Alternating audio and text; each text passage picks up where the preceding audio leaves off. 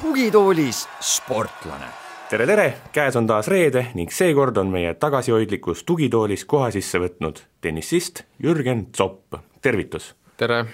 tänaseid küsimusi küsib siis Kaarel Täll ja ma pean tunnistama, et tennisisti elukutse kui selline on minu jaoks alati olnud üks väga keeruline tundunud, et äh, pead üksinda põhimõtteliselt turniirilt turniirile reisima, need on üksteise otsas, nad on igasugustes maailma otstes, kas see elu siis näebki selline välja, et äh, seljakott selga ja hambahari sinna sisse ja siis äh, järgmine sihtkoht Tai ja, ja siis järgmine sihtkoht võib-olla Indian Wells ja ja nii edasi, et kuidas, kuidas selline sinu igapäevaelu välja näeb, räägi natukene. Eks ta umbes nii on jah, nagu, nagu sa kirjeldasid, et noh, ütleme vahest on ka treener kaasas, et mul on olnud igasuguseid perioode, kus minuga põhimõtteliselt Äh, reisib treener ja, ja siis on olnud perioode äh, nagu see aasta, kus ma näiteks pool aastat reisisin üksi, et äh, siis tõesti on niimoodi, et ühtepidi on hea, et oled omaenda nii-öelda graafiku peremees ja teed endale vastava võistlusgraafiku, aga, aga tõesti neid turniire tegelikult aasta lõikes ongi niisugune kakskümmend viis kuni kuni kolmkümmend ja, ja noh, selles mõttes kõik nagu orgunn, mis kaasneb nagu reisimisega, hotellid, transpordid, lennupiletid, kõik need ikkagi äh, tuleb ise teha, et äh, et see, ütleme, tennisisti elukutse juurde käib äh,, käib ka väljaspool väljakut äh, väga palju sellist äh, spordivälist tegemist, et loomulikult mida kõrgemal maailma edetabelis on mängija, seda, seda rohkem on igasuguseid abilisi võimalik endale nagu palgata, kes niisugust muud pudi-padi sinu enda eest teevad ära, aga aga minul on olnud ka palju selliseid ja on, on palju sellist äh, sellist muud, muud asja ka seal nagu juures, et äh, alati ei, ei saa sada protsenti mängimisele keskenduda, et noh, selles mõttes loo-, väljakul küll, aga selles mõttes äh, kui, kui üks turniir saab näiteks läbi ja on äh, on vaja kohe järgmisele reisida, siis äh, need on niisugused kõige võib-olla keerulisemad hetked, et ühtepidi võib-olla tahaks oma peas natuke seda mingit viimast kaotust analüüsida, aga siis äh, tihti oled paar tundi arvutis, otsid lennupileti variante ja siis üritad mingi rongipileti ära broneerida, sest reisid ei ole ka tihti nii, et äh, lendan tund aega, et Euroopas äh, võib vabalt Poolast Saksamaale reisida kaksteist, kolmteist tundi, ma ei tea, on paar rongi, paar lennukit, paar taksot, et äh, et siis äh, jah, järgmiseks hommikuks vaja transporti organiseerida, vaadata, mis, kuidas ma jõuan rongiga lennujaama, et see, see on paras äh, kombineerimine, loomulikult on ka lihtsamaid reise, et, et see vahest saab lihtsalt Tallinnast Stockholmi lennata lennukiga ja noh, see on niisugune, see on nagu täielik puhkusepäev, et aga aga ka Euroopa-siseselt ühest Euroopa riigist teise naaberriiki võib vahest olla reis terve päev, et jah, ütleme seiklusi on. Seiklusi on, nagu ma aru saan, siis tegelikult noh, ikkagi enamikel spordialadel saab niimoodi, et sa tead turniiri algust ja lõppu, noh olgu see vehklemine või midagi niisugust, sina lähed igale poole ühe otsa piletiga, lootuses, et sa ikkagi võidad selle turniiri ja oled seal nii kaua kui võimalik. ja siis, kui kuskil välja langed teises-kolmandas-neljandas ringis, siis lihtsalt ongi tagasi hotelli, esimene asi, hakkad tegelema öö, piletitega või? Eks ta nii on jah, üldiselt küll reisin äh, ühe otsa piletiga, sest ju plaane teha ei saa, et lootused, lootused on alati kõrgemal kui, kui et järgmine päev jälle uuesti reisima peaks, et mm. et äh, nii ta on jah. milline see stressitase ikkagi siis nagu on, et kas sa nagu mõnikord äh, mõnikord nagu tunned, et see, seda kõike on nagu liiga palju, et sul ikkagi, sa pead olema tipptennissist, kes kes tahab täita oma unistust ja jõuda tippu, aga noh, maailmas tahavad tuhanded tennissistid jõuda tippu, konkurents on meeletu, selle kõrvalt sa sa ei saa kodus olla, sa ei saa puhata, sa pead kogu aeg olema sealsamas seljakotis oma hambaharjaga, et kas sa vahel selle stressi kuidagi all oled hakanud ka tundma, et, et ma lihtsalt ei jaksa? Loomulikult on selliseid hetki, et selliseid hetki, sellised mõtted tulevad kõige rohkem pähe siis, kui on mingi periood nagu tõesti kehvasti läinud, et kui kui sa kogu aeg tunnetad progressi ja tulemused on head ja siis, siis kogu see muu jant seal ümber, see reisimine, äraolemine ja üksi olemine, et see nagu see tundub palju talutavam ja sa tundud, et sa teed seda, tun-, tundub sulle, et sa teed seda nagu millegi nimel, et äh, aga jah, just siis, kui, kui on näiteks niisugune periood, kus pool aastat ei, ükski võistlus nagu, ükski võistlustulemus ei ole selline, mis sulle nii-öelda rõõmu pakuks mm. ja siis samal ajal on see reisimine, orgunn ja see, see on kõik sealjuures, siis, siis loomulikult see on kõige raskem, et aga noh, selles mõttes, et põhi, põhistress ja pinge ikkagi on seotud nagu võistlemisega, et selles mõttes see reisimine, see on lihtsalt, äh, ta on kohati raske ja ta on kohati nagu tüütu, aga noh, lõpuks siin ei ole midagi nuriseda, ma olen ise selle nagu valinud ja kokkuvõttes ma arvan, tennisisti elu on ikkagi nagu ma arvan, päris hea elu. tahtsingi just küsida, et kuidas sa praegu kolmekümne ühe aastaselt äh, oma elukutse valikuga siis ikkagi rahul oled, et äh, ja, elad ma... unistuste elu uh,? ma ei tea, kas ma päris unistuste elu elan, aga selles mõttes ma, ma valikuga olen küll uh,, olen küll rahul, et tennis on mulle selles mõttes nii palju andnud ja et uh, jah, et ma ei tea, kas ma seda uuesti tahaksin kõike teha, aga kindlasti nagu ma, ma olen valikuga rahul, jah mitu päeva, ütleme, kui sul on, kui sa oled terve ja terve hooaeg saad teha nii, nagu sa tahaksid, mitu päeva aastas sa siis umbes reisil oled, paneme sinna hulka võib-olla ideaalis siis ka ühe talvise soojama laagri näiteks, et, et või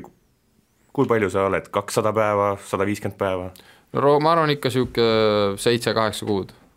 et äh, kogu aeg äh, reisil? jah, aga ütleme, see ütleme nüüd, kui ma olen nii-öelda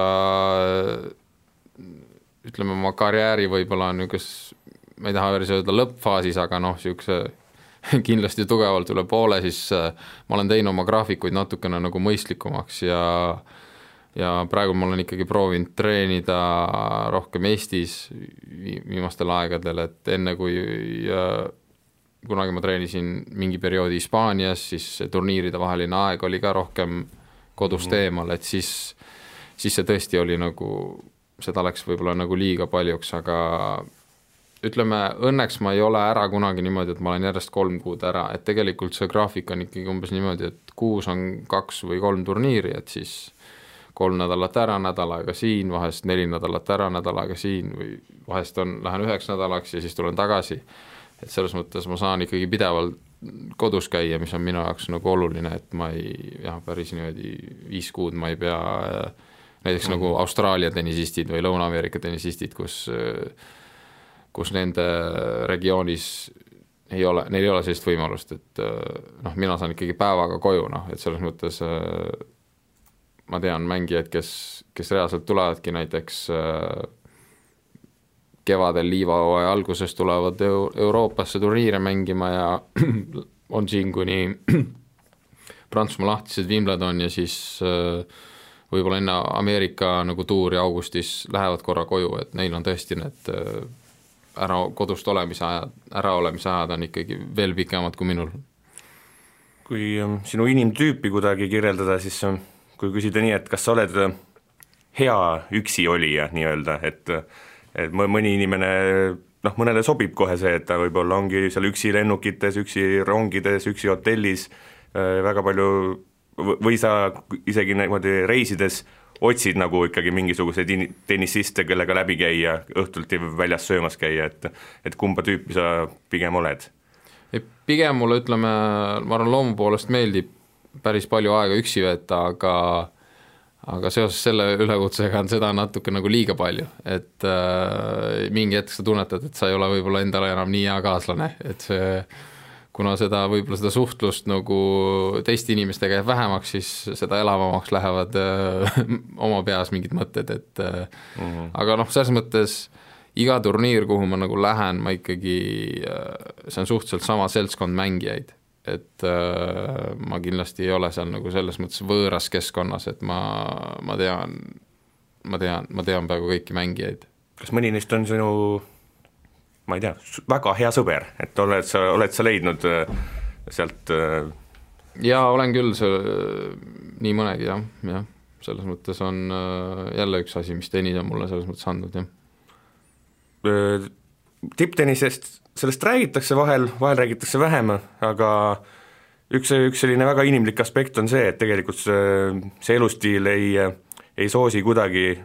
nii-öelda elukaaslase leidmist või üldse enda elu kuidagi selles osas nagu mm -hmm. paika saamist, pere loomist, kuidas sinu see, kuidas sul selles osas läinud on? Äh, no ütleme, ega ta, ma arvan, ma ütleks niimoodi, et äh, ega ta ei, ega ta ei välista ka, et selles mõttes, et äh, kui, kui on arusaав inimene ja siis, siis see, et üks, üks inimene on võib-olla väga palju kodust ära, siis äh, see nüüd noh, ütleme, kuidas öelda, ei peaks nagu päris kriipsu peale sellele asjale tõmbama, et äh, minu puhul on jaa läinud nii, et et ma praegult ikka olen äh, lendan soolod selles mm. mõttes, et aga aga noh, selles mõttes ma ei jah, võib-olla, aga ikkagi ma tean, ma tean mängijad, kellel, kellel on, kellel on pere ja, kelle pere ja lapsed ja selles mõttes, et ja nad on ka väga palju kodust ära, et see on nagu inimese enda valik, et kas sa tahad nagu kui palju sa tahad nagu lastest eemal olla, aga kas seda on võimalik kuidagi üldistada, et, et kas need mängijad leiavad pere endale rohkem sealt tennise ja spordi seest või, või pigem mitte, et et samamoodi et ma ei tea, no põhimõtteliselt, et naine mm -hmm. on mhm. tennisist ja eks selliseid, äh, selliseid asju seal ikka, ikka on jah, et selles mõttes, kui aga ütleme, meeste-naiste turniire noh, Grand Slamid on koos ja mõned suuremad, need Mastersid on ka koos, et aga aga selles mõttes piisavalt, äh, ma julgen öelda, et enamus turniirid on ikkagi äh, ikkagi eraldi, aga ei, loomulikult kõik, kõike, kõike juhtub. Mm eriti kui äh, ütleme, et turniirid venivad pikk, noh, et sul läheb hästi ja sa saad seal noh, nagu ütleme, nädal aega ikkagi ühes poa-, kohas olla, siis tundub, et seal tegelikult seda vaba aega on ka üsna, üsna palju, et, et ilmselt väga raskeid treeninguid ka ei ole võimalik teha selle turniiri keskel, et mhm. mille, kuidas sa oma seda vaba aega sisustad ja millised võib-olla sellised hobid sul on, äh, ma ei tea, hotellis, hotelli ümber mm, -hmm. kuidas, mis, mis sa teed? Äh, eks see on selline, selle vaba ajaga ka niimoodi, et ega sa päris nagu linnaekskursioonile ei saa minna, et kui vaba aeg on, et ühtepidi sa pead ikkagi ennast nagu, nagu hoidma ja nagu pead ikka korralikult nagu puhanud olema, aga sõltub, ütleme, ise ma väga kuskil rändama, rändamas ei käi seal ringi, aga suvel üks turniir oli, kus mul oli üks teine hea sõber äh, oli ka sealsamal turniiril, siis me sõitsime seal natuke ringi, käisime mingit äh, kuskil mägedes mingit mägi, mägilinnust vaatamas ja sõitsime Itaalias kuhugi väiksesse teise linna õhtul sööma, et meil oli rendiauto, et äh, aga noh, toas ikka loed, kuulad muusikat, vaatad mingit filmi, et äh, nii see, nii see aeg seal läheb, et selles mõttes sellist noh, ütleme seda seda vabat aega seal ikkagi nagu on, aga see on selles mõttes niisugune piiratud vaba aeg, et sa ei saa päris seal kõike, kõike võib-olla teha ja pluss veel ja kõik turniirid ei ole kuskil Pariisis või New Yorgis, et väga palju mm. on, väga palju on näiteks minu puhul selliseid turniire, kus on mingis väikses väikses Saksamaa linnas, hotell on kuskil kiirtee ääres, seal ei olegi midagi ümber, midagi teha, et ja kui on talv ka veel, siis ütleme jah, see, see jah, ütleme väga, väga glamuurne tihti ei ole seal ja seal ei ole neid vaba aja veetmise võimalusi väga palju. kui on mingi suurem linn, kas sa sellist midagi teed, et ma tean, sa oled nagu muusikasõber, siis mm -hmm. äh, ma ei tea, esimese asjana jõuad kohale ja siis lähed sinna mingitele saitidele, kus on näha, mis bändid äh, siin lähipäevadel näiteks Pariisis mängivad, et kas äh, hoiad silma peal sellisel asjal ka, et õhtuti näiteks käia kontserditel? Ma olen käinud küll jah, jah, selles mõttes mind muusika paelub ja siis ma ei tea, vahest käin, kolan mööda kitarripoode, vaatan, mis, mida müüakse ja et selles mõttes muusika on jah, üks suur nagu selline asi, mis mul on, on niisugune teine kirg tennise kõrval, et aga ma olen, ma olen käinud küll jah, kui ma ikkagi vaatan, kas mõni minu lemmikbände või kuskil esineb, siis on, on tulnud ette küll, et kus ma olen saanud nagu ühildada võistluse mingi kontserdil käiguga, jah mm. -hmm. kui seda süsteemi kuidagi nagu laiemalt vaadata, siis noh, teoorias on ikkagi loodud äh, tennisisti elu selliseks, et et peaaegu umbes kümme kuud aastas peaks ikkagi olema äh, reisil ja muudkui mängima ja mängima ja ja tegelikult isegi ei jää aega nagu trenni teha ja ei jää aega peret luua ja nii edasi, kõik need asjad on päris raskeks tehtud teie jaoks, et kas sa seda, kuidas sa sellesse süsteemi üldiselt nagu ise suhtud, kas kas see ongi parim versioon mm, mängida ti-, viia tipptennist inimesteni ja pakkuda inimestele meelelahutust, et et noh, millele ma viitan, ongi see, et mängijad pannakse ju äärmusesse, mängijad on ju väga raskes seisus minu, vähemalt minu silmis no jah, selles mõttes, aga kokkuvõttes, kui, kui edetabeli koht on hea, see tähend- ja hooaeg on pikk, siis tähendab, et on võimalik ka nagu aastaringselt äh, elatist teenida. et kui hooaega oleks näiteks kolmandiku võrra vähem, siis äh,, siis jälle oleks vähem, et aga ma arvan, tennisist on loomult nagu nii harjunud kogu aeg võistlema, et äh, ma ei, ma ei tea, kuidas teistel spordialadel, aga mulle tundub, et äh, et osadel, ma ei tea, kas suusatamises või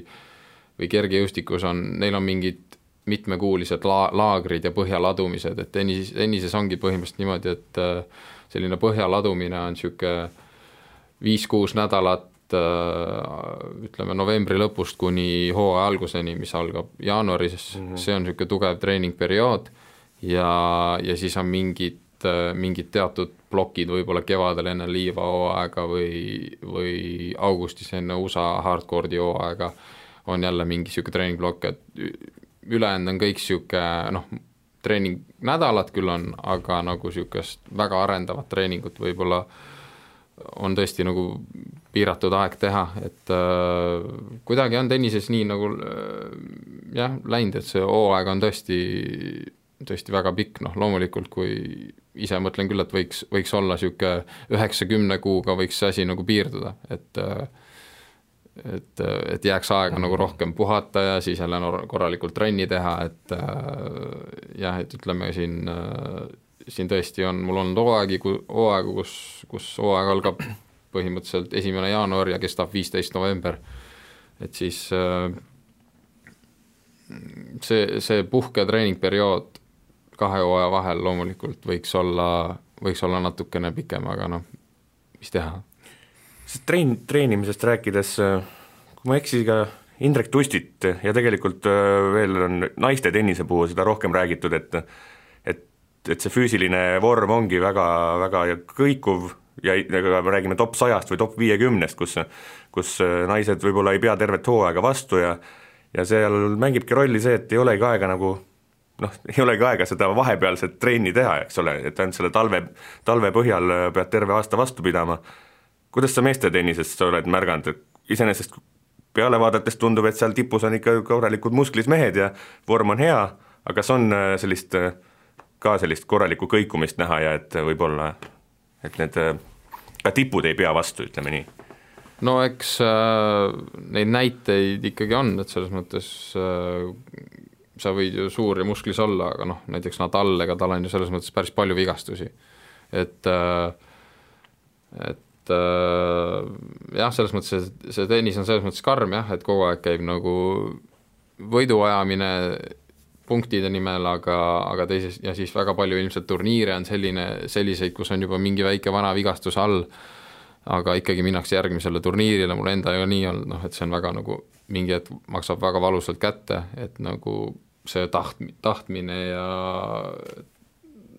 noh, tahtmine ja see on nii palju suurem, kui see mõistuse hääl, et võib-olla nüüd peaks selle turniiri vahele jätma, et et siis tõesti jah, need mingid vigastused vaikselt kuhjuvad ja ei ole piisavalt aega ennast lappida ja treenida, et selles mõttes äh, siis tulevadki nagu vigastused, et et eks äh, need, kes seal ikkagi meie teame, tipud on, nemad, nemad on selles mõttes, peavad selle asjale hästi vastu, aga ütleme, kõigile sa tõesti nagu ei äh, see tennis selles mõttes ei, ei sobi, et vigastused ongi alati sellised asjad, noh, ma ei taha siin mingi füsiotera-, terapeutide eest rääkida, aga ma tean noh, mängijaid, kes on väga professionaalsed ja kes on, aga kes on ikkagi elu jooksul käinud, ma ei tea, karjääri jooksul kümnel operatsioonil, et selles mõttes vigastuste asi on natuke niisugune kohati, et mõni, mõnel on rohkem, mõnel on vähem, et kas on kuulda kuidagi, ma ei tea, tennisemaailma seest või juhtide seast või kuskilt, et et selle pärast ka nagu noh, reaalselt muret tuntakse ja võib-olla lähitulevikus tegeletakse sellega, et et mehed ja naised vastu peaks ikkagi, me tahame ju fännidena näha mm -hmm. kõige paremat tennist, mis võimalik, iseenesest ma arvan, et muidugi me näemegi seda, aga aga see riskipiir tundub tõesti olevat nagu üsna jaa, aga samas ühtepidi fännid tahavadki näha seda tennist nagu aastaringselt, et fännidele ei meeldiks, kui äh, augustis lõpeks hooaeg või et selles mõttes et äh, et aga selle nimel on nagu võideldud, et minu arust seda hooaega on saadud natukene lühemaks ka, et äh, minu arust ta kunagi oli veel pikem, et kolmteist kuud aastas? no jah, ütleme, aga ütleme meestel nüüd, millal see Masters läbi sai eelmine nädal, et aga noh, neil on, osadel on veel Davis Cup, et et äh, mängijad tegelikult on võidelnud selle nimel ja ma arvan, mingeid edusamme on ka saavutatud, et see on läinud natukene lühemaks, kui, kui ta kunagi oli. vahetan natukene teemat, konkreetselt sinu enda karjääri juurde tulles ja nendest äh, erinevatest kõverikadest rääkides, mis seal karjääris on olnud, kaks tuhat kaksteist suve algus oli see, kui sa esimest korda jõudsid saja parema hulka. see tundub niisugune noh, kõrvaltvaatajale, spordifännile tundub selline väga-väga tähtis verstapost, aga räägi, kas sa, kas see päev või see, või see turniir, kus sa need punktid kokku said, või see päev, kus edetabel välja tuli mm, -hmm. kas see on sul näiteks väga hästi meeles, et kus sa olid siis, kui sa jõudsid maailma esisajasse, et kas see on sinu jaoks nii tähtis hetk? jaa, see on mul hästi meeles, see oli, see oli tegelikult pärast Prantsusmaa lahtiseid, kui ma olin seal kvalifikatsioonist läbi tulnud ja ma küll kaotasin siis äh, esimeses ringis Richard Gasquele ja ja siis, kui Prantsusmaa lahtised hakkasid läbi saama, siis ma teadsin, et ma uues hooaja, uues hooaja edetabelis nagu peaksin olema saja sees, et et siis nii-öelda see esmaspäev pärast Prantsusmaa lahtiseid pidi tulema edetabeli koht välja, aga siis mäletan, Nadal ja Djokovic mängisid pühapäeval finaali ja siis vihma tõttu jäi veel pooleli, see tähendab, et äh, see edetabeli koht ei tulnud nagu esmaspäeval välja, sest nad pidid esmaspäeval oma mängu jätkama. et siis ma olin nagu, siis ma vaatasin seda finaali, ootasin, et millal see nagu läbi saaks juba, aga siis, äh, kui see esmaspäeval see finaal läbi sai, siis äh, siis mõne tunni pärast nagu tuli see edetabel ja siis ma mäletan, ma olin vist siis üheksakümmend viis nagu esimest korda oli siis nii-öelda edetabeli koht oli kaks numbrit nii-öelda, et alati oli kolm numbrit, et äh, selles mõttes see oli, see oli nagu hea tunne jah, see kohati nagu selle tee alguses see tegelikult tundus nagu täiesti utoopiline, et Eestist võiks jõuda keegi uuesti noh, Andres Usand oli kaheksakümnendate lõpus ja et uuesti keegi saja hulka, et et selles mõttes loomulikult see oli äh, väga, väga eriline tunne, jah. sama aasta sügiseks olid siis oma karjääri kõige kõrgemal kohal, seitsekümmend üks, kui kuidagi äh, kui sa ise prooviksid seda kuidagi konteksti panna, et mis see nii-öelda esisajasse ja ka seitsmekümne esimesele kohale jõudmine tähendab, et võib-olla selle nurga alt, et räägi, kui palju maailmas on tennisiste, äh, kes tegelikult teevad seda täiesti profitasemel ja tahavad kõik jõuda nii kõrgele kui võimalik, et mis see konkurents on, kui kuidagi proovida sõnastada? no ma ei tea, konkurents võib-olla on paar tuhat mängijat, kes pürgivad pidevalt, et et äh, no ütleme, see jaa, loomulikult konkurents on tihedam, mida tipu poole, seda veel tihedamaks läheb ja seal peab nii palju, et noh, palju kõik, kes proovivad, kes hakkavad kunagi tennist mängima, et siis, et paljud neist näiteks jõuavad oma vanuseklassis kas või Eesti meistrivõistlustel medalile, oma riigi meistrivõistlustel medalile,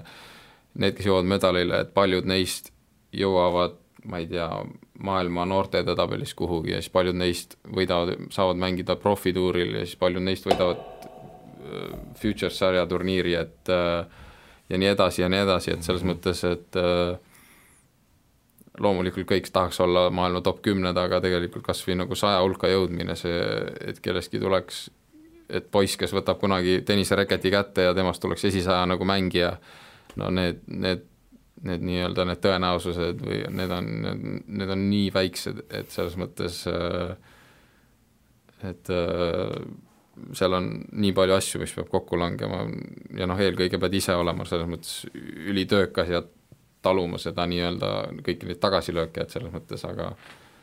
et sa satuksid karjääri jooksul õigete inimestega kokku ja ma ei tea, seal on nii palju asju tegelikult, kui niimoodi hakata lahti, lahti arutama, et selles mõttes see on jaa, see on väga-väga raske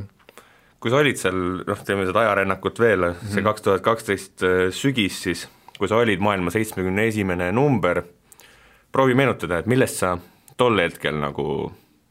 nagu unistasid ja kas see, kas see, kas see kogu, kas sa tundsid enda sees, et nüüd kohe varsti top viiskümmend, top kolmkümmend, ma ei tea, mis, missugune su tolle aja meelestatus oli, sa olid tunduvalt noorem, nüüd sa oled kogenum mees mm, -hmm. oskad võib-olla kuidagi äh, teisiti enda jaoks mõtestada? no kui ma olin sinna jõudnud, siis esimene mõte on kohe see, et ma nüüd tahaksin nagu püsida, et nagu me enne rääkisime sellest äh, reisimise asjast, siis siis kui sa jõuad, ütleme, kui sa võrdled, kas sa oled kakssada viiskümmend või sa oled seitsme, seitsmekümnes, siis äh, see elu on ikkagi natuke lihtsamaks läheb sinu jaoks, sul on turniirid paremad, hotellid on paremad, äh, lennujaama tuleb alati auto vastu, äh, turniirid on äh, tegelikult lihtsamini ligipääsetavates kohtades, et selles mõttes see elu konkreetselt on, on parem ja noh, selles mõttes reisimise poolelt lihtsam, nagu loomulikult konkurents on karmim ja, ja kõik muu et selles mõttes äh, sa tahad nagu kümne ki-, küünega kinni hoida sellest nagu situatsioonist ja enda nagu seda olukorda veel rohkem kindlamaks teha, et selles mõttes ega loomulikult vaikselt mõtled, et ma ei tea, võidad mingit top viiekümne mängijat, vaatad, oo, miks mitte, ma, ma võiks ka ju seal olla, et et äh, see ka, et aga see on nagu see on ülimalt nagu motiveeriv seal olla ja seal on nagu nii palju asju, mille nimel pingutada, kui sa oled sinna just jõudnud, et seal nagu äh, jah, loomuli-, ja siis muidugi loomulikult vaikselt hakkad mõtlema, et kuidas edasi saada veel rohkem. ja sellel hetkel sul tekkis siis seljaprobleem mm,, mis seal täpselt tekkis ja miks see tekkis, oled sa, oskad sa öelda ka just seda, et miks? seda ma ei oska, et selles mõttes võib-olla mõni, mõni võib öelda, et ma ei tea, treenisin valesti või mida iganes, et äh, ma arvan, kokkuvõttes äh, oli äh,, oli ülekoormus, täpselt oligi selline, et ma olin jõudnud just sinna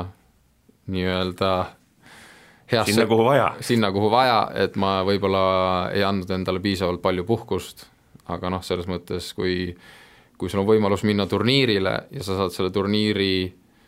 esimeses ringis kaotuse eest sama palju, kui sa oleks saanud eelnevatel turniiridel võib-olla selle turniiri võidu eest, siis loomulikult sa lähed sinna kohale, sa tahad seal seltskonnas olla, sa oled ülimalt motiveeritud ja siis võib-olla lähebki meelest ära natuke oma keha kuulata. et, äh, et ilmselt ilmselt vähem, natuke rohkem puhkust öö, äh, oleks võinud anda, aga lõppkokkuvõttes, mis tekkis, oli siis öö, äh, selja viienda nimmelüli väsimusmurd mis on selline ülekoormusvigastus, mitte selline vigastus, et nüüd läheb ühe liigutusega praksti midagi katki, et see hakkab vaikselt seal ajapikku tekkima ja tekib pika aja jooksul, kuni lõpuks ütleme, on valu selline, mis sunnib arsti juurde minema. Huvitav, noh, see nii hästi tegelikult klapib selle samaga, mida me just enne arutasime, seda, kus noh, see piiri peale viimisest, eks ole, et, et sa tegelikult ju, sa nagu tunnedki, et sa, sa pead minema mängima seda, sest et kui sa ei lähe, siis on jällegi kukkumine tulemas, et see, et see, et see valikute võimalus on tehtud väga keeruliseks, et valida tervis selle asemel, et võidelda oma positsiooni eest mm, -hmm. ongi niisugune väga keeruline kaalukauss, eks ole, eriti noorena. jaa, ja eks sa tegelikult loodad, et sa võid võidelda positsiooni eest ja samal ajal, et tervis võib ju ka püsima jääda, aga nii võib minna mm. -hmm. et selles mõttes ma, kui ma ilmselt teeksin seda asja uuesti, ma ei tea, kas ma teeks midagi teistmoodi, ütleme noh, loomulikult kui mul oleks selline nagu kogemus all, ma võib-olla kuulaksin enda keha natuke rohkem, aga ma arvan, kui ma oleks, jõuaksin täpselt sama koha peale, siis mind valdaks selles mõttes täpselt samasugune tunne neid mm. asju teha, et selles mõttes see on, selles mõttes on oht, ohtlik, jah. jah, kaks tuhat neliteist lõpuks olid sa kahesaja hulgast väljas, püsisid sealt kahesaja hulgast, ei, sa kõigepealt kaks tuhat neliteist lõpp ma jõudsin tagasi siis sa jõudsid kahesaja hulka jah, et, et ütleme, aasta hiljem, kaks tuhat kolmteist sügis, olid sa mhm. kolmesaja seast väljas, ma vaatasin jah, et äh, räägi natuke sellest äh, olelusvõitlusest, mis seal kohtadel kakssada, kolmsada, nelisada käib, et kust maalt äh, näiteks läheb, hakkab selline piir, kus kus sul hakkab raske tul-, on näiteks ots otsaga kokku tulla, et, et need äh, auhinnarahad ka lähevad nii väikeseks, et äh, et ei olegi enam varsti raha tennist mängida, et kas sa oled sellisele tasemele pidanud näiteks tervise tõttu korra langema? no selles mõttes ei ole, et kuna mul on ikkagi e, kogu aeg olnud äh, sponsor, sponsorite toetus, et -hmm. et selles mõttes tänu neile, et noh, Tallink on olnud minu sponsor aastast kaks tuhat üksteist, et selles mõttes, et nad on aidanud mul igasugused nagu äh, Äh, nagu ajad nagu selles mõttes üle elada ja, ja noh, sama, Merko samamoodi hiljem, et et äh, kus see kriitiline piir läheb, ütleme, et kui üldse näiteks sponsorit ei oleks? tennisistil ei ole sponsorit, ta on ükskõik kust kohast, maailmakohast pärit mm, -hmm. et äh, kust maalt ta näiteks siis jõuab näiteks sellisele tasemele, et noh, kus see, kus see mm -hmm. edetabeli koht on, kus sa saad ennast hakata juba enam-vähem noh, nagu profisportlasena tundma, et et võib-olla ei ole vaja käia nii-öelda raha küsimas? Ma tahaks anda hästi konkreetse vastuse, aga on jälle, sõltub sellest, et näiteks kas sul on treener. et kui mm., siis on täiesti teine asi. et kui, kui sul on näiteks treener palgal no teoorias võiks ikkagi olla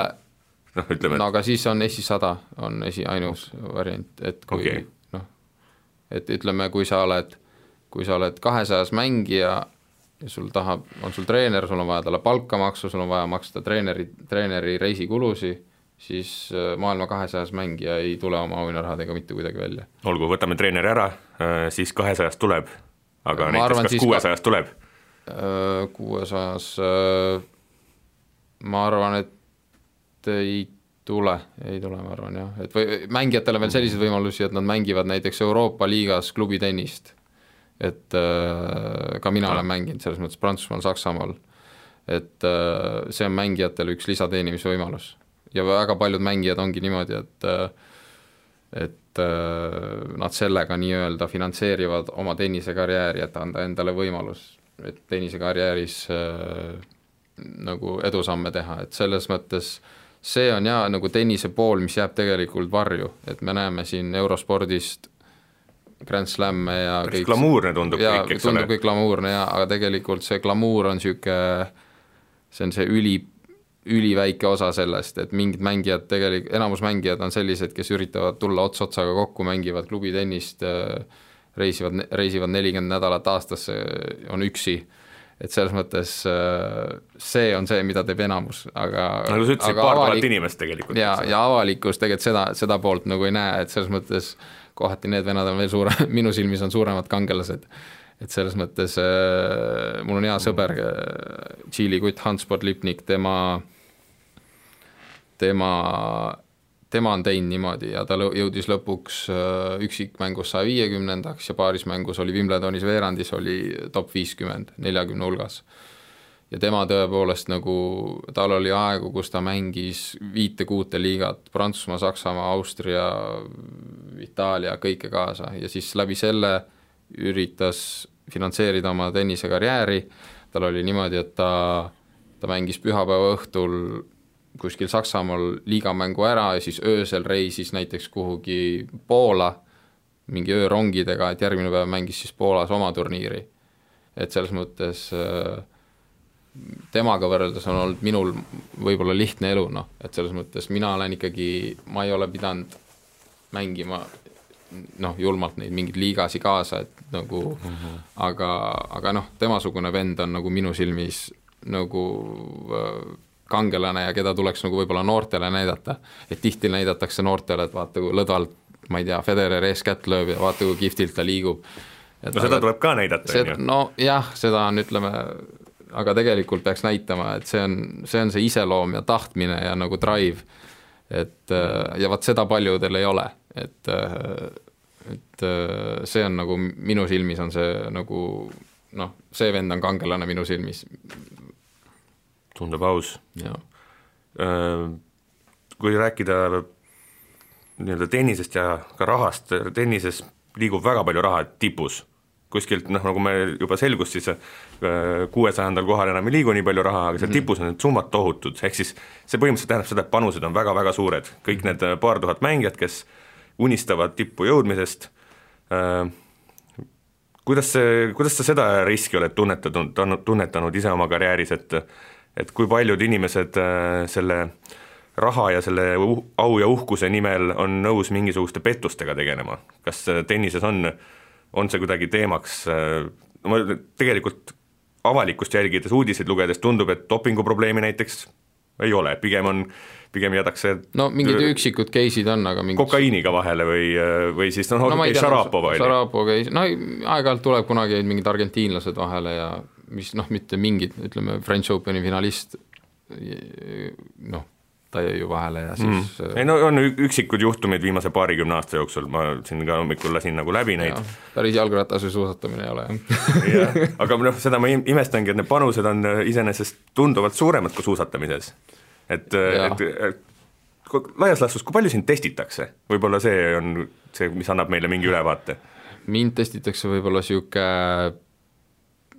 ma ei tea, viis, viis korda aastas aga ütleme noh, ütleme ja iga päev ma pean täitma seda nii-öelda seda Adamsi programmi, kus ma annan oma asukohast mhm. teada, kus ma olen kättesaadav. kas nad teavad, et sa täna oled siin? Äh, ei, ma olin, mul oli pandud, et ma olen seitsmest kaheksani kodus, et selles okay. mõttes ma panen alati selle hästi hommikusse vara ja siia seal, kus ma nagu ärkan.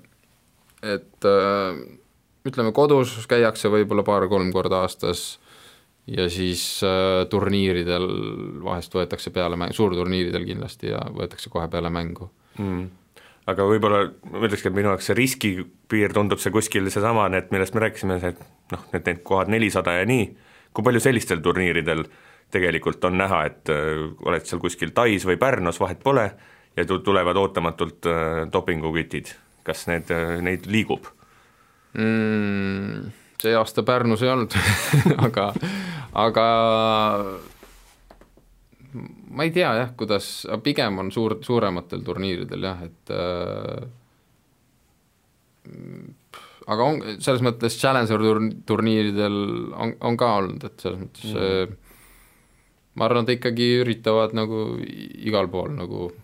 kätt pulsil hoida. teine, kui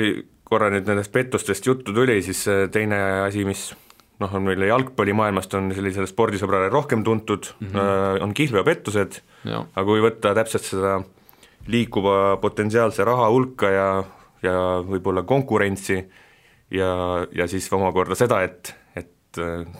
kui lihtne on siis teostada kihlveopettust, siis tegelikult tennis on üsna riskantne spordiala, vähemalt tundub, et no selles mõttes on äh, lihtsam kui jalgpallis, et sa et pead ikkagi üksi selle otsuse vastu võtma. jaa, et selles mõttes jah jah, et jalgpallis siis ainult väravad võib-olla, et jah, seal on niimoodi erinevalt, mõnikord on paar kaitsjat, mõnikord väravavaht, kuidagi seal niimoodi neid asju tehakse. aga jah, kuhu ma tahtsin viia juttu, on see, et äh, sellest on nüüd natukene aega noh, nii-öelda on vahele võetud ka mingil tasemel sportlasi ja on tulnud paar skandaali,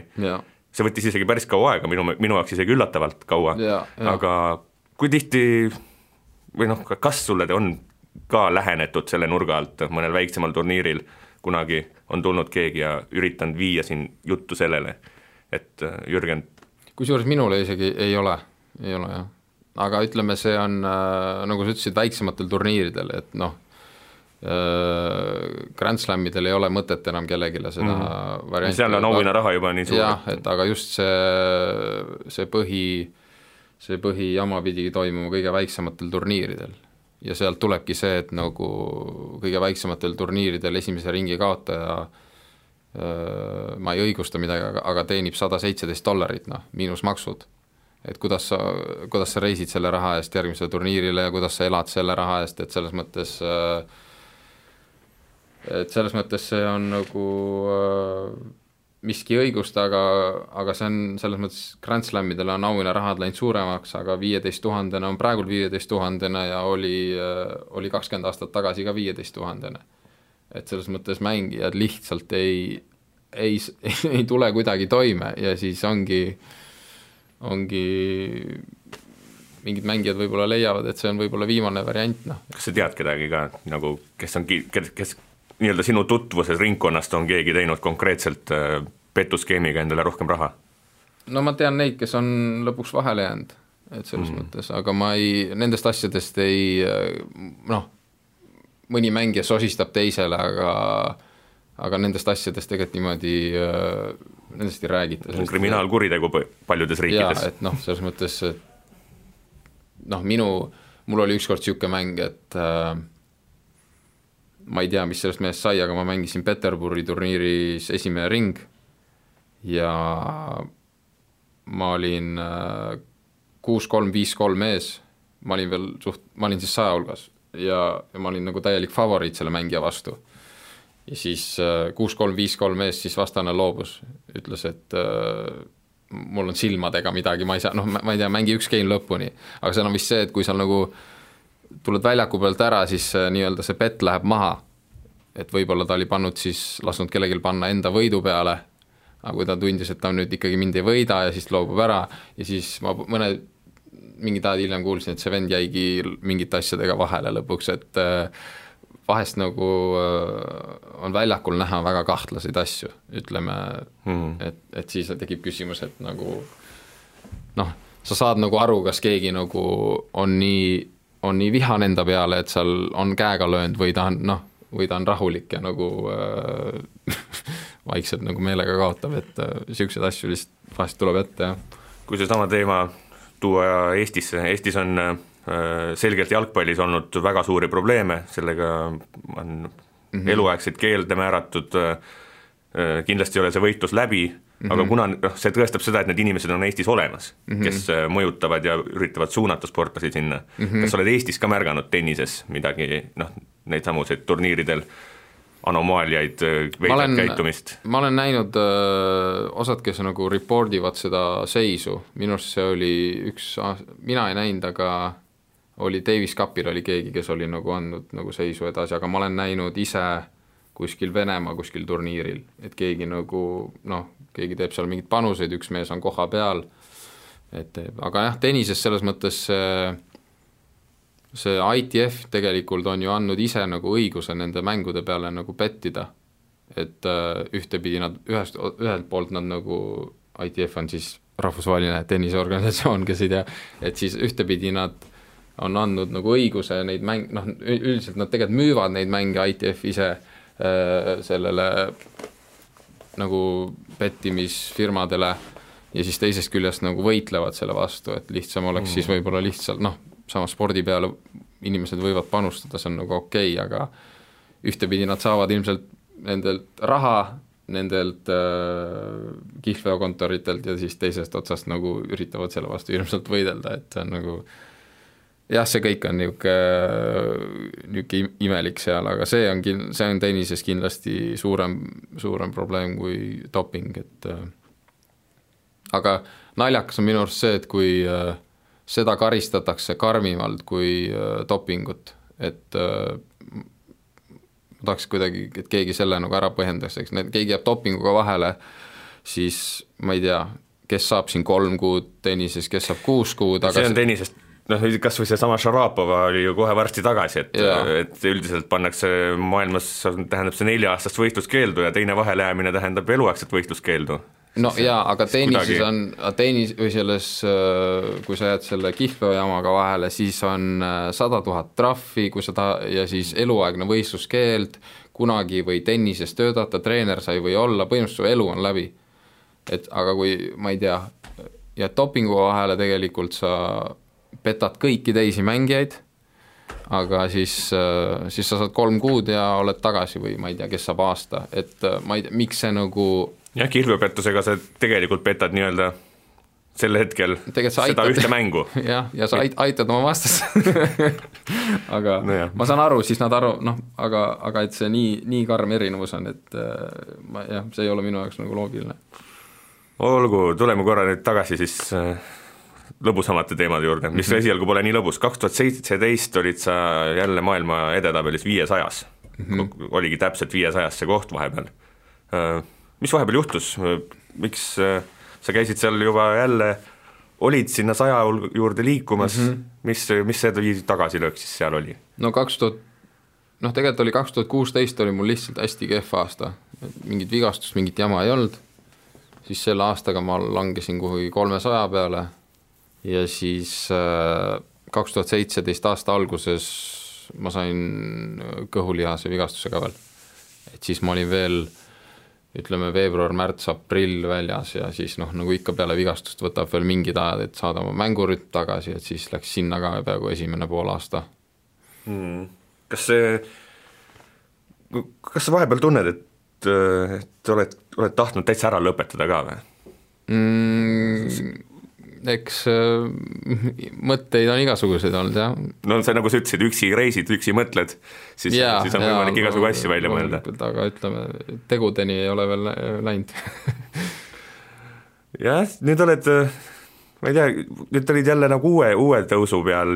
sa käisid jälle saja hulgas ära eelmisel aastal ja jah ja, noh, siis ütleme, kui see kaks tuhat viisteist vigastust ära taastusin, siis äh, siis mul, siis ma alustasin koostööd uue treeneriga. Äh, enne seda mul jälle mõnda aega treener ei olnud. Äh, see oli teine Soome treener, kes mul on esi, esimene Soome treener Basi, kellega ma alustasin kaks tuhat kümme, viis ka mu saja hulka. temaga koos, tegime koostööd ne, neli aastat ja siis vahepeal on, on, on, on olnud muid treenereid, aga ühesõnaga, kus see viimane tõus alguse sai, siis ma alustasin jah, koostööd Kim Tiilikaineniga ja siis see oli, ütleme selliseks väga, väga suureks nagu tõukeks, et siis äh, siis temaga nagu jah, oli meil väga, väga edukas aasta mm. alates sellest hetkest. Prantsusmaa lahtistel tegid äh, põhimõtteliselt elu parima suure slam'i, kolmas ring. kui me oleme siin üsna avatult rääkinud igasugu asjadest, kolmas ring äh, Prantsusmaa lahtistel tähendas sada kolmkümmend tuhat eurot, on see, mida nad siis äh, välja reklaamivad mm. -hmm. kui palju sa kätte saad sellest? Miinusmaksud. ja kui palju neid Prantsusmaal on näiteks, kas sa mäletad, mis sellest Prantsusmaal võeti viisteist protsenti, aga siis Eesti Maksuametile ma maksan veel selle vahe kinni, mis on, mis on nagu viieteistkümne, Eestis on siis kakskümmend, no kokku läheb mul kakskümmend maha sealt. okei okay., ja kas see, kas see on kui sa võidad selle, neid auhinnaraha, ma ei tea, USA-s äh, igal pool, kas see enam-vähem seesama süsteem siis, et sa igalt poolt paned selle kakskümmend prosa maha või? no USA-s näiteks võetakse kolmkümmend okay., et seal äh, riigiti energia, mõnes võetakse viisteist, mõnes kakskümmend viis, et see on kuskil seal kahe-kolmekümne vahel on. okei okay,, sellist jama ei ole kuskil, et päris viiskümmend prosa pead ära ei, nii ei ole jah. okei okay,, see on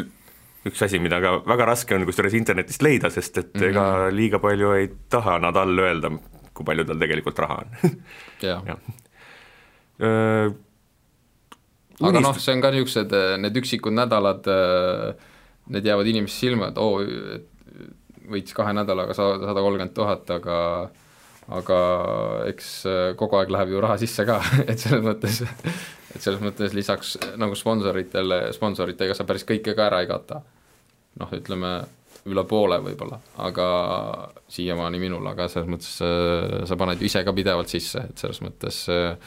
aga noh, see on loomulikult väga-väga hea nädal selles mõttes. Mm.. praeguse seisuga sa oled siis maailma neljasaja seast jälle väljas. Mm -hmm. mm, kusjuures veel aasta alguses olid tugevalt kahesaja seas praegu on sul siis äh, taastud mandlioperatsioonist mm, -hmm. aga räägi, ma ei tea, kuidas sa selle aastaga siis ikkagi kõige laiemas laastus lühidalt lahu, rahul oled, kas see no nagu öelda, edetabeli koht ütleb, ega ei, ei ole kuidagi rahul, et selles mõttes kehv, kehv aasta on olnud ja oma mängutasemega ma ei ole nagu üldse, üldse päri, et eks äh, mis nüüd saab siis? Äh, missugused on no, päästeplaanid? ronima hakata, et tegelikult esimene plaan on kõigepealt äh, võtta väike paus, ennast välja puhata, taastuda sellest mandliopist kõigepealt ja ja siis äh, on plaan leida treener, et sellega kuidas, ma kuidas see käib, kas sulle saab CV-si saata? ei, ise mulle keegi CV-si ei saada, et äh, ma pean ise otsima ja kasutama oma kontakte, mis mul nagu tennisemaailmas on, et äh, nii see käib isiklike tutvuste põhjal, et mingit äh, niisugust äh, kohta ei ole mul, kus, kus mm -hmm. keegi pakuks sa oled endale ju kogu aeg nagu korduvalt tegelikult tõestanud, et sa oled üks väga-väga hea tennisist, kes võib maailma tippudega kui võrdne võrdsega mängida ja olla seal tipule väga lähedal mm. -hmm. millest sa praegu siin kolmekümne ühe aastaselt veel, veel unistada julged, mis, mis on sinu suur eesmärk? Ma tahaks veel mõne aasta mängida, ma tahaks nii-öelda ennast äh, selles mõttes täiesti tühjaks mängida, et kui ma üks hetk, üks hetk lõpetan, siis mul on nagu süda rahul, et ma panin kõik mängu ja proovisin, et vahet ei ole, mis edetabeli kohal ma lõpetan, et kas see on kakssada või nelisada või, või sada viiskümmend, et äh, et selles mõttes äh, tahaks proovida kõikvõimalikud nagu variandid ära, et kunagi ei, kunagi nagu ei kripeldaks midagi, et äh, selles mõttes ja proovida ikkagi, proovida ikkagi veel paremaks saada, noh et äh, eks siis edetabeli koht näitab, et see on hea süsteem tennises, et see väga hästi näitab, kus su tase praegult on, et äh, ma, see aasta ma mängisin nii, et et ma olen praegu nelisada, et loodame, et järgmine aasta läheb paremini mm. -hmm. siia päris lõpetuseks veel üks, üks teine teema maailma tennisest, noh nagu lapsedki näevad kõik Federeri, Nadali ja Djokovic'i, siis tegelikult me kõik näeme neid, minu küsimus sulle, et ütle nüüd ausalt, kas need, sa oled neid natuke lähemalt saanud uurida, kas nad ikka on lihast ja luust inimesed või? sest et äh, ma ei tea, telekast vaadates ja nende äh, Vikipeedia lehti vaadates, siis äh, see kõik tundub niisugune ulmevaldkonda kuuluvad härrad aga kuidas, ütle, kas nad on, päris inimesed? jaa, ikka on jah et loomulikult mitte, aga nad ei ole tavalised inimesed selles mõttes et loomulikult äh, kui palju sa oled äh, selle nii-öelda, see suur kolmik ikkagi pakub kõige rohkem teemat tennises mm -hmm. üldse, kui palju sa oled nendega nii-öelda kuidagi lähedalt kokku puutunud oma elu jooksul? no turniiridel riietusruumis, aga noh, selles mõttes ei, ma ei Selfit oled käinud tegemas? ei ole, ei ole et aga selles mõttes jah, nii palju kui riietusruumis oleme näinud, et selles mõttes. kas see võib olla üks asi, mida tahaks kuidagi noh, ka nemad ikkagi üks päev jäävad natuke vanemaks ja võib-olla teevad mõned kehvemad turniirid mm -hmm. ja kas see kuulub ka sinu nii-öelda kuidagi listi, et tahaks kellelegi neist ikkagi nüüd nagu pähe teha? tahaks... nii kaugele pole mõelnud, aga tahaks Federeriga mängida enne, kui ta ära lõpetab. et see, see, see, see oleks küll üks unistus, jah mm. -hmm aga aitäh, Jürgen, see oli väga-väga põnev ja aitäh. vestlus, ma loodan, et sul need unistused täituvad. suur tänu! ja uus Tugitooli sportlane on eetris juba järgmise nädala reedel oh..